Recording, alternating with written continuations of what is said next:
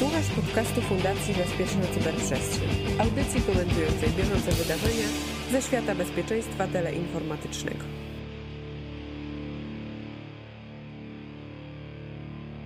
Halo, halo, tu mówi Warszawa w podcaście CyberCyber Cyber Fundacji Bezpieczna Cyberprzestrzeń. Wracamy do Was z podcastem procesowym. Jak podcast procesowy to w studio oczywiście prowadzący, czyli ja, Cyprian Gutkowski z Fundacji Bezpieczna Cyberprzestrzeń i Maciej Pyznar z Fundacji Bezpieczna Cyberprzestrzeń i firmy Koncert. Dzień dobry. Także witam Cię, Maćku. Chcemy wrócić do naszych e, rozważań na temat ransomware'a. Jeżeli pamiętacie, to dobrze. Jeżeli nie pamiętacie, to Wam przypomnę. Rozważaliśmy o tym, jak tak naprawdę mm, z, z atak ransomwarem ująć w naszych procesach. No i tutaj pojawiła się u nas koncepcja, że możemy to zrobić w ubezpieczeniu, możemy to w jakikolwiek inny sposób przekazać stronie trzeciej bezpieczeństwo. Mieliśmy, mieliśmy kilka rzeczy, natomiast e, właśnie o, tych, o tym znów chcę porozmawiać ponieważ e, nie tak dawno, bo 13 października, niemiecka firma produkująca narzędzia do automatyzacji została zhakowana ransomwarem. E, firma Pilz. No i tutaj to spowodowało, przynajmniej w komunikacie z 13 października, który czytamy, możemy wyczytać, że e, od niedzieli 13 października 2019 jesteśmy zaatakowani. Wpłynęło to na wszystkie serwery i stacje robocze, w tym komunikację firmy na całym świecie. Jako środek, środek ostrożności firma usunęła wszystkie systemy komputerowe z sieci i zablokowała dostęp do sieci korporacyjnej. Czyli tak naprawdę wszystko padło. To jest 76 krajów e, na świecie, w których działa działa, Pilc. Nie można było nic zrobić. Do tej pory borykają się z problemami. Także Maćku, jak to ujmować tak naprawdę znowu w tej analizie ryzyka wracamy do tej sytuacji, co się z tym dzieje?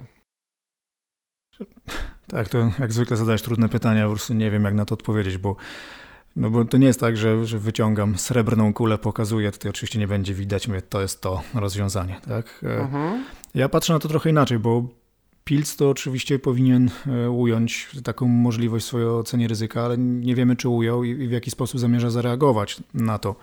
E, zwłaszcza, że nawet komunikat z wczoraj z ich strony jest treści mniej więcej takiej, że z dnia na dzień zwiększamy nasze zdolności do dostarczania na całym świecie naszych e, produktów i usług. No, no i co to właściwie znaczy, to, e, to nikt nie wie. Ja patrzę na to z punktu widzenia takiego, że poza tym, że oczywiście Pilz jest producentem e, rozwiązań i komponentów systemów automatyki przemysłowej, to prawdopodobnie również dostarcza usług w rozumieniu takim, że tym odbiorcom, którym dostarczył swoje usługi, prawdopodobnie świadczy usługi w postaci albo utrzymania, albo e, paczowania, albo jakiegokolwiek innego zakresu usług e, w tych produktach, które już, które już dostarczył. I pytanie, jakby z punktu widzenia tego e, ataku brzmi, czy, czy, te usługi mogły być dalej świadczone. Skoro włączyli całą komunikację, to. No to prawdopodobnie nie. No i teraz ja patrzę na to z punktu widzenia raczej odbiorcy tych usług i jego ocenę ryzyka, czy, czy to i w jaki sposób może wpłynąć na jego procesy przemysłowe i te, które realizuje, bo się no może nagle okazać, no. że, że poza spółką Pilz tak naprawdę problem ze spółką Pilz dotknął nie wiadomo ilu odbiorców, tak? bo, bo firma jest jednak dość e, popularna na świecie i, i właściwie nie wiemy, czy z powodu tego ataku ktoś inny nie, nie, również nie, nie zostały zakłócone jego procesy e, przemysłowe, co by oznaczało, że skutki tego ataku nie dotyczą tylko i wyłącznie e, samego pilca, a, a również odbiorców jego usług. Tym bardziej, że jakby wektor ataku poprzez dostawcę usług no, no staje się coraz popularniejszy. No, właściwie to mamy dowody tylko i, i opis tego z amerykańskiej administracji, która dość cierpi Zresztą słyszymy ciągle o komunikatach dotyczących tego, że albo szeryf, albo jakiś system szkolnictwa, albo ktokolwiek inny został zaatakowany ransomwarem i, no i musiał w jakikolwiek sposób albo zapłacić, albo podejmować działania odtworzeniowe swojej infrastruktury, no to okazuje się, że w sumie to od 2013 roku, od listopada e, do października 2019 miało, miało miejsce 247 e, ataków e, ransomware na administrację państwową w Stanach Zjednoczonych. Znaczy tak, bo mówimy o samej administracji państwowej. Tak, tak, bo właśnie to jest to. Dlatego, że no, jest strona Cyber Scoop, na której można wyszukać ransomware attack map i tam jest pokazana ta mapa ataków ransomware'owych. Przy czym, tak jak wspomniałeś, dotyczy właśnie tylko administracji. W każdym razie w komentarzu do, do tej mapy jest mowa o tym, że chyba większość tegorocznych ataków no, to nie jest tak, że w samej administracji ktoś bezpośrednio tę administrację zaatakował, ale zostali zaatakowani właśnie dostawcy usług dla tej administracji, co oznacza, że wektor ataku e, również się zmienił e, w przypadku ataków ransomware, co pokazuje, że atak e, taki właśnie na, na, na pilca może, może skutkować tym i może tak naprawdę doprowadzić do tego, że właściwie celem e, atakującego może nie być sam, e, sam dostawca usługi, ale jego klienci, którzy no, no tak. stojąc w sytuacji właściwie bez wyjścia, tak? no bo często jest tak, że dostawca tych komponentów OT ze względów licencyjnych odmawia dostępu do tego stronom trzecim, albo nawet e, odmawia objęcia własnym systemem CM e, tych komponentów, e, no, blokując jakby możliwość instalacji forwarderów na, na, na kompa Rzeczywiście komponenty. Tak jest, tak jest bardzo często, do, do, z tym mamy do czynienia, natomiast tutaj właśnie ja to nazywam spear ransom, tak, że rzeczywiście tutaj mamy do czynienia z czymś, że po co atakować nie wiadomo ile komputerów, nie wiadomo co szyfrować, kiedy możemy uderzyć w dostawcę rozwiązania OT, dzięki czemu będziemy mieli pewność, że tylko poważne firmy mają z tym do czynienia, w związku z tym będziemy mogli liczyć na poważniejszy okup. Ograniczamy te, też ryzyko ilościowe do zwiększenia jakości, tak jakby możliwości czy siły tego ataku. No tak, stopa zwrotu zakładamy, że jest większa. Tak? No rzeczywiście w tym przypadku e, Pilca również tak jest, że E, że to oprogramowanie złośliwe ransomware e, Bitpaymer no rzeczywiście został stworzony przez grupę, która która celuje w, w kli, większych klientów biznesowych, czyli nie, nie szyfruje masowo użytkownikom końcowym dowolnym komputerów, licząc na, na właśnie 300 dolarów zwrotu, tylko szyfruje komputery poważnym firmom po to właśnie, żeby wymusić na nich okup oczywiście większej, większej wysokości. I w sumie nie wiemy, czy pojawiło się jakikolwiek kontakt ze strony e, atakujących e, w, w kierunku Pilca. E, wiemy natomiast, że, e, no, że Pilc na pewno ucierpiał i w dalszym ciągu nie jest, jeszcze, e, nie jest jeszcze w stanie świadczyć kompletnie swoich usług. Pytanie, ile to będzie kosztować, tak? I tego, ile tego będzie akurat, trwało, im tak, ile będzie trwało, trwało ile będzie kosztować. Tak, dokładnie. Zresztą tak jest. Zresztą na to właśnie liczą, liczą atakujący tak? tego typu firmy, że wiedzą, że każdy dzień przestoju czy zakłócenia działalności to dla takiej firmy poważne straty finansowe i wizerunkowe, które wpływają później na, na no tak, samo przywracanie zyski, komunikacji tak. mailowej wewnątrz firmy trwało 3 dni, więc Tak, jest... a później następne 3 dni komunikacji z klientami, więc to, to oznacza, że już przez 6 dni klienci nie mieli dostępu do e, tak, do, do komunikacji. Nie można było zamawiać, nie można tak. było pracować z klientem, więc to, to olbrzymie straty dla firmy. W zasadzie firma wyjęta z działania w każdy możliwy sposób przez ten okres czasu. Tak, no, Zobaczymy, jak, jak się dalej potoczy sprawa. Jakby... Znaczy, żeby było jasne, tutaj rzeczywiście jest tak, że najpierw trzeba usunąć mm, pewnego konia trojańskiego, tak go nazwę, który jest na komputerach, y, bo nawet jeżeli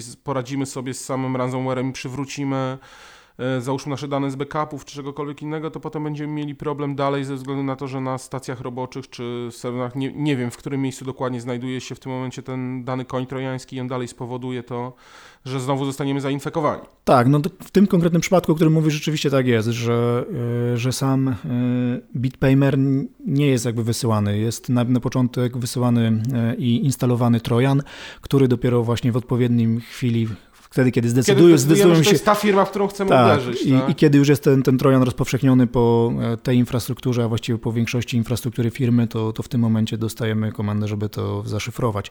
I rzeczywiście te te organizacje przestępcze no, no są niezwykle groźne pod tym względem. Tak?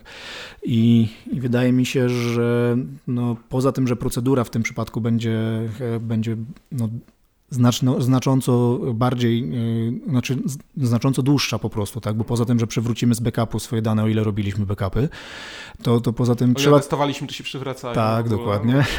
To, to tak naprawdę stoimy w sytuacji, że de facto musimy przywrócić system na każdej jednostce roboczej, na każdym systemie, na, na którym ten, ten Trojan mógł być, tak? I, i to oznacza de facto reinstalację wszystkich systemów firmy, stacji roboczych, serwerów czy, czy, czy innych, innych jeszcze komponentów naszej infrastruktury IT, co, co sprawia, że po pierwsze wydłuża się czas i pewnie dlatego tak dużo czasu zajęło przywrócenie podstawowych funkcji, a co więcej, no, znacząco zwiększają się koszty takiej, takiego przedsięwzięcia. No i teraz właśnie wracamy do tego pytania naszego, E, co, co z tym robić, albo jak sobie, jak przeciwdziałać temu. Tak, to znaczy jedną rzeczą właśnie najważniejszą, która jest, to, to ja też uważam, że musimy inaczej spojrzeć na te kwestie, które wynikają chociażby z norm ISO i sprawy uregulowania stron trzecich dostawców, relacji z dostawcami. Do tej pory tam zawsze NDA była, która funkcjonowała typowo, że tak, że musimy zawrzeć NDA, nie będziemy zdradzać swoich informacji, ewentualnie uwzględniano SLA, czyli rzeczywiście ten czas reakcji tego dostawcy na ewentualną naprawę.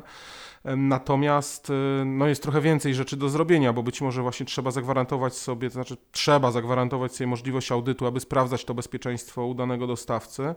Należy również wskazać jakieś minimalne wymogi do tego bezpieczeństwa, cyberbezpieczeństwa, jak powinien się zachowywać ten dostawca i co powinien mieć. Z reguły te, uważam, że tak, tak powinna wyglądać już skutecznie czy dobrze skonstruowana umowa z y, dostawcą, z, z relacji z dostawcami. Ale tak, tak często nie jest, po prostu tak nie jest ze względu na to też, że w dużej mierze często ci dostawcy są monopolistami albo pseudomonopolistami, dlatego, bo mieliśmy już wprowadzony wcześniej jakiś system i on działa jako OT w naszej firmie. No, nie będziemy wprowadzać teraz innych sterowników, kiedy trzeba coś dokupywać czy zmieniać, więc bardzo często jest to bazowane, że już weźmy tego, którego, którego mamy. Tak, no, czy twój postulat jest co do zasady słuszny. Tak? Pytanie tylko, czy da się to zrealizować. Właśnie tak jak wspomniałeś, skoro, nie wiem, od 20 lat mamy komponenty danego e, producenta, no to trudno nam w tej chwili, jeżeli on nie spełnia wymogów, które określimy sami jako te wymagane od naszych dostawców, no to, no, no to co wtedy, tak? Czy, czy jesteśmy gotowi na to, żeby przejść na innego dostawcę, który spełnia te wymogi, które sami określimy, czy, czy jakkolwiek inaczej będziemy to robić? Ale rzeczywiście e, jak sam wspomniałeś, norma ISO mówi o określeniu i badaniu relacji z podmiotami trzecimi. E, I my przynajmniej w naszej pracy staramy się e, wektor ataku ze strony trzeciej jakby brać pod uwagę. Tylko wydaje się, że w tej sytuacji, w której teraz jesteśmy, chyba powinniśmy prawdopodobieństwo takiego ataku po prostu zwiększyć w rozumieniu, w, w, w, szacowaniu ryzyka. Tak? I rzeczywiście te relacje z dostawcami zaczynają mieć kluczowe znaczenie i ten wektor ataku no, staje się coraz popularniejszy, co oznacza, że w naszych analizach ryzyka musimy, pomimo tego, że jest na przykład nasz dostawca e, wielką firmą, która, która teoretycznie jest odpowiedzialna i, i i zapewnia cyberbezpieczeństwo swoich komponentów, to musimy prawdopodobieństwo ocenie ryzyka takiego ataku niestety, niestety zwiększyć. No i musimy sobie uświadomić, że te ryzyka w OT są naprawdę takie same jak w IT, bo do tej pory każdy dbał o IT. Tutaj rzeczywiście były budowane nie wiadomo jakie procedury i zabezpieczenia, natomiast OT każdy mówił, a to jest wydzielone, nie, to jest zupełnie inaczej. To, to nie... Tak, o tym już rozmawialiśmy. To, to Prawdopodobnie to się zresztą zmienia teraz, tak? Tak jak wspomnieliśmy, jakby te wektory ataku e, no po prostu są już e, no, rozpowszechnione, tak? I to mit o tym, że, że jest rozdzielenie między jedną a drugą infrastrukturą, no po prostu padł już, wydaje mi się, jakiś czas temu i nie, nie, ma, co, e, nie ma co kontynuować. I teraz Pytanie jakby, co, co, co Pilz może z tym zrobić, to raz. Co wszystkie inne firmy. I, i co wszystkie inne firmy. Tak? Pamiętam, że w którymś z naszych podcastów mówiliśmy o cyberubezpieczeniach i jakby zastanawialiśmy się, czy to ma sens, czy nie ma sensu. No i teraz, e, żeby sobie odpowiedzieć, czy to ma sens, czy nie ma sensu, można by było wrócić do, do sytuacji Norsk Hydro, tak? że e, w marcu 2019 e, roku firma została również zaatakowana przez, jak ty to ładnie nazywasz, Spear Ransom, gdzie gdzie no, zaszyfrowanych zostało 22 tysiące komputerów e, w 170 obiektach różnych w 40 krajach e, i, no i firma e, jakby teraz dopiero podała rzeczywiste straty związane z tym, dlatego że notowana jest na giełdzie, no i w swoich sprawozdaniach no jakby pokazała te, te liczby. No i według Norsk Hydro no ten atak kosztował od 60 do 71 milionów dolarów, bo tam była kwota podana w koronach norweskich. I w trzecim kwartale 2019 roku e, w tych sprawozdaniach finansowych wskazali, że z tytułu ubezpieczenia zwrotnie otrzymali 3,6 miliona dolarów, czyli to jest poniżej 10%. I żeby być oczywiście, no, oczywiście z sprawie... procentami, jeżeli tak. tak spojrzymy na to. Jeśli, żeby być oczywiście całkowicie sprawiedliwym i, i jakby Mm, szczerym z tym, co jest, to oni wskazują, że spodziewają się kolejnych e, wpłat z tytułu e, tego ubezpieczenia. Tak, bo trzeba przyznać też że to od jednego ubezpieczyciela, a podobno byli w kilku ubezpieczeni, tak. więc... E, więc spodziewają się nas następnych wpłat, ale jeżeli każdy ubezpieczyciel około 10% jest w stanie dać, to oznacza, że, że chyba jednak mimo wszystko nie, nie, nie zwróci im się to. Tak? No nie, no to, to, to, tym bardziej też myślę, że to jednak była chyba ta główna ubezpieczalnia, tego co oni tam wskazują AIG jako ten, który tak? A, to, to, to nawet fajnie, dlatego że. A, rzeczywiście, to było chyba AIG, dlatego że z AIG jest następny case, który jakby przywraca. No właśnie, jak sprawnie przeszliśmy. Tak, przywraca nas jakby na, na tory e, ubezpieczenia. E, otóż e, AIG wniosło ostatnio oddalenie pozwu do nowojorskiego sądu od spółki. Nie wiem, czy to dobrze przeczytam teraz. SSIC Technologies, która poz, znaczy pozwała, no, oczekuje w wyniku ataku doznała szkód na, na 6 milionów dolarów, no i oczekuje ubezpieczenia, jakby zwrotu z tytułu ubezpieczenia. E, nie znam szczegółów, e, było tam w komunikacie, że pracownicy dokony, e, znaczy zostali Zmanipulowani. zmanipulowani, tak, i skłonieni do dokonania jakichś fraudowych e, przelewów. W każdym razie e, najlepszy jest komunikat AIG, który właśnie w, e, w uzasadnieniu tego pozwu utrzymuje, że, że jego cyberubezpieczenie nie obejmuje aktów kryminalnych. I no i po prostu tutaj właściwie tak zrobiłeś, należałoby się roześmiać, no bo właściwie każdy atak teleinformatyczny na twoją organizację Pilca, Norsk Hydro czy, czy jakikolwiek inny, właściwie jest aktem kryminalnym, tak? Znaczy tak, ja tutaj tylko się zastanawiam, rzeczywiście nie znamy sprawy, bo to, to wskazuje na absurd sytuacji w rzeczywistości, bo po co na ubezpieczenie w sytuacji, gdzie to nie będzie miało charakteru kryminalnego. Natomiast e, tu być może chodzi o to, jak ja staram się to tłumaczyć, że ci pracownicy zostali do tego zmuszeni fizycznie, załóżmy, a dokonali tylko przelewów poprzez sieci, to, to, to, ale to wtedy rzeczywiście nie ma nic wspólnego z cyberubezpieczeniem. Cyberubezpieczeniem, dokładnie. Ale, ale raczej, raczej tak nie jest, natomiast to jest jedyny moment, gdzie ja rozumiem, że to nie ma wpływu z taką sytuacją tak, kryminalną. Tak, więc ja po prostu myślę, że jeszcze rynek cyberubezpieczeń nie jest tym rynkiem, o, o którym myślimy, e, a to dlatego, że no po prostu ryzyko wypłaty z punktu widzenia towarzystwa jest niestety znacznie większe. A to znacznie większe jest dlatego, że jak niektórzy tłumaczą, jeżeli jest pożar, no to pożar w jednym mieście z reguły nie ma wpływu na pożar w drugim mieście albo dzielnicy, albo nawet ulicy, jeżeli domy nie, nie, sąsiadują ze sobą bezpośrednio. No w przypadku ataków teleinformatycznych, no niestety tutaj nie da się powiedzieć, że atak u jednego nie spowoduje ataku zaraz Mam na... 76 krajów, tak? Tak, no do, dokładnie uwagę, tak. Że to jest olbrzymia ilość, no prawie... Więc ja po prostu myślę, że ubezpieczyciele nie są jeszcze gotowi na to, żeby, żeby podjąć ryzyko z kolei z ich punktu widzenia wypłaty tego typu odszkodowań. I to jeszcze chwilę potrwa. Ale e, w przypadku Norsk Hydro jest jeszcze jedna fajna rzecz. Tak? E, właściwie e, nie omawialiśmy chyba tego w naszych, w naszych podcastach, ale chodzi o pewną reakcję, którą, którą oni zastosowali, która moim zdaniem powinna być wzięta pod uwagę zarówno w ocenie ryzyka, jak i przede wszystkim w tych działaniach po zdarzeniu, czyli reagowaniu już na, na, na sam incydent i przywracaniu do, do działalności. Otóż E, oni w większości przypadków, tam gdzie to było możliwe, przeszli na, na pracę ręczną, ręczną w rozumieniu tradycyjnym, bez używania systemów komputerowych. I... Czy nie było sterownika, który reguluje jakimiś zasobami, tak, dokładnie. Musieli to... tylko poszedł tam pan, pracownik z tak, uprawnieniami, dokładnie. który mógł przekręcić wajchę. No, z uprawnieniami czy nie, tego nie wiemy. W każdym razie faktem jest, że oni e, jakby ściągnęli do pracy bardzo dużo ludzi e, z emerytury, tych, którzy kiedyś u nich pracowali, którzy znali się jeszcze wtedy na, na obsłudze tych urządzeń urządzeń manualnie, e, manualnie w rozumieniu, czyli zanim jeszcze nastąpiła automatyzacja.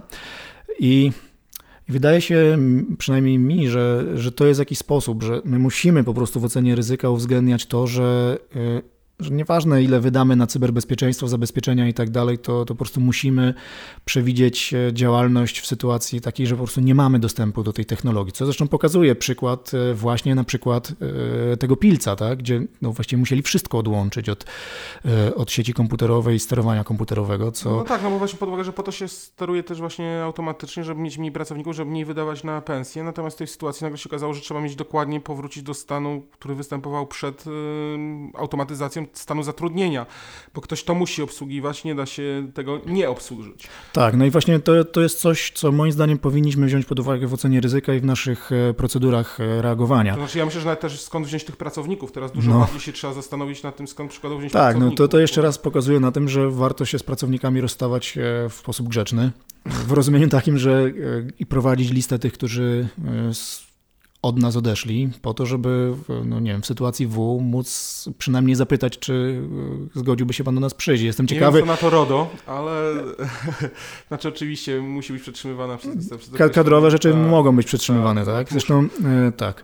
I jestem ciekawy właśnie, ilu, e, ile z tych 71 e, milionów dolarów, jeżeli weźmiemy tę górną, górną część widełek, zostało wydanych na to, żeby ci pracownicy wrócili i, e, i żeby, żeby zdecydowali się pracować i utrzymać ciągłość działania firmy. Oczywiście mogło być też z miłości do firmy, bo to też jest możliwe. Myślę, że w społeczeństwach skandynawskich to też występuje dużo bardziej niż y, u nas. Ja nie, nie badałem ile, ile procent działalności rzeczywiście jest to, że firma e, stacjonuje w Oslo i ma siedzibę główną w Oslo wcale nie znaczy, że, że główna produkcja jest również w Oslo, więc bo Zważywszy, że zajmują się e, znaczy, produkcją aluminium, to, to prawdopodobnie nie jest. jest o tyle problem, że rzeczywiście trzeba brać też pod uwagę ten rynek pracy, tak? Że nagle się okazuje, że tych fachowców nie ma, a nawet jeżeli nie potrzebujesz fachowcy z konkretnymi uprawnieniami albo jednego na dziesięć, załóżmy tych wajch, które musisz przestawić, no to tutaj rzeczywiście problem ze znalezieniem osób, które będą to wykonywać może być duży, jeżeli brak rąk do pracy. Tak, to oznacza, że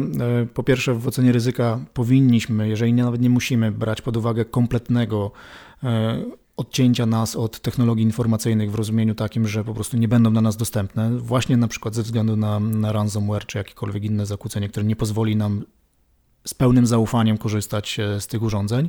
No i dwa, że w sytuacji e, takiej powinniśmy zaplanować działania dotyczące, no nie wiem jak to powiedzieć, no ręczne to, to za dużo powiedziane, ale e, działania bez dostępu do, do technologii informacyjnych. To tak naprawdę te ręczne wcale nie jest za dużo powiedziane. Moim zdaniem, ba, tutaj wchodzi jeszcze jedna rzecz, kwestia komunikacji. Nagle się okaże, że powinniśmy mieć radiotelefony lub cokolwiek innego, że ci pracownicy w danym miejscu muszą ci podać odczyt z licznika, ty musisz dopiero sprawdzić to w dyspozytorni, czy to się zgadza, zadecydować, więc ten, to nie może być, że będziesz miał jeden telefon i jeden telefon, bo to będzie ciągle zajęte. Tutaj tak, jest no. jakaś komunikacja radiowa, zapewnienie czegoś zupełnie innego niż tak, o czym to, się może wydawać. Tak, to pokazuje, że no, jeszcze raz, zresztą powtarzamy to chyba za każdym razem, że bezpieczeństwo nie jest darmowe i, kosztuje, tak? Tyle tylko, że właśnie niestety zawsze się pokazuje to wtedy, kiedy coś się, się stanie. No i to jest pytanie, czy e, Norskiedro wydawało na, wydało do tej pory na bezpieczeństwo więcej niż 71 milionów e, dolarów, czy, czy nie, tak? No bo tylko wtedy może... nie, ale... No właśnie. Tylko i to nas jakby prowadzi, co zamknę jakby już pewnie nasz podcast, bo chyba tak. trochę za długo gadamy, tak? E, komentarzem e, szefa Pilca, e, Tomasa Pilca, czyli jest to biznes rodzinny, że on zwraca uwagę na to, że firmy takie jak, jak oni, czyli Pilc, nie są w obrębie zainteresowania BSI.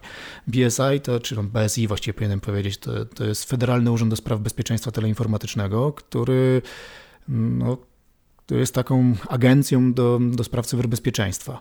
No i teraz to jest ciekawa sprawa, przynajmniej w kontekście również naszej krajowej ustawy o, o krajowym systemie cyberbezpieczeństwa. Czy, czy my bierzemy coś takiego pod no uwagę? Właśnie, jak tak? to u nas wygląda? No i wydaje się, że chyba nie wiem czy przypadkiem, czy nie, ale coś takiego się znalazło, dlatego że jak patrzymy na załącznik do ustawy, e, mamy e, sektor energii, to mamy jeden z podsektorów, który nazywa się dostawy i usługi dla sektora energii. Tak? I tam czytamy, że są to podmioty prowadzące działalność gospodarczą w zakresie dostaw systemów, maszyn, urządzeń, materiałów, surowców oraz świadczenia usług na rzecz sektora energii. No i teraz wydać by się mogło, że dostawcy komponentów e, OT właściwie no, spełniają te warunki, przynajmniej definicyjne, tak? bo są jeszcze kryteria z rozporządzenia. No właśnie, myślę, że już progowe w tym momencie są jeszcze inne i tak, już mamy... ale być może jest to sump do tego, żeby ministerstwo zastanowiło się, czy, czy tych dostawców e, komponentów OT i usług, które są świadczone na, na tych komponentach, nie, nie wziąć jako operatorów usług kluczowych po prostu i tym Chciałbym, samym powiem, powiem tak Maciu, chciałbym myśleć, że to się stało, znalazło tam świadomie, natomiast brak tego w każdym innym sektorze powoduje to, że uważam, że jednak był to jeden wielki przypadek.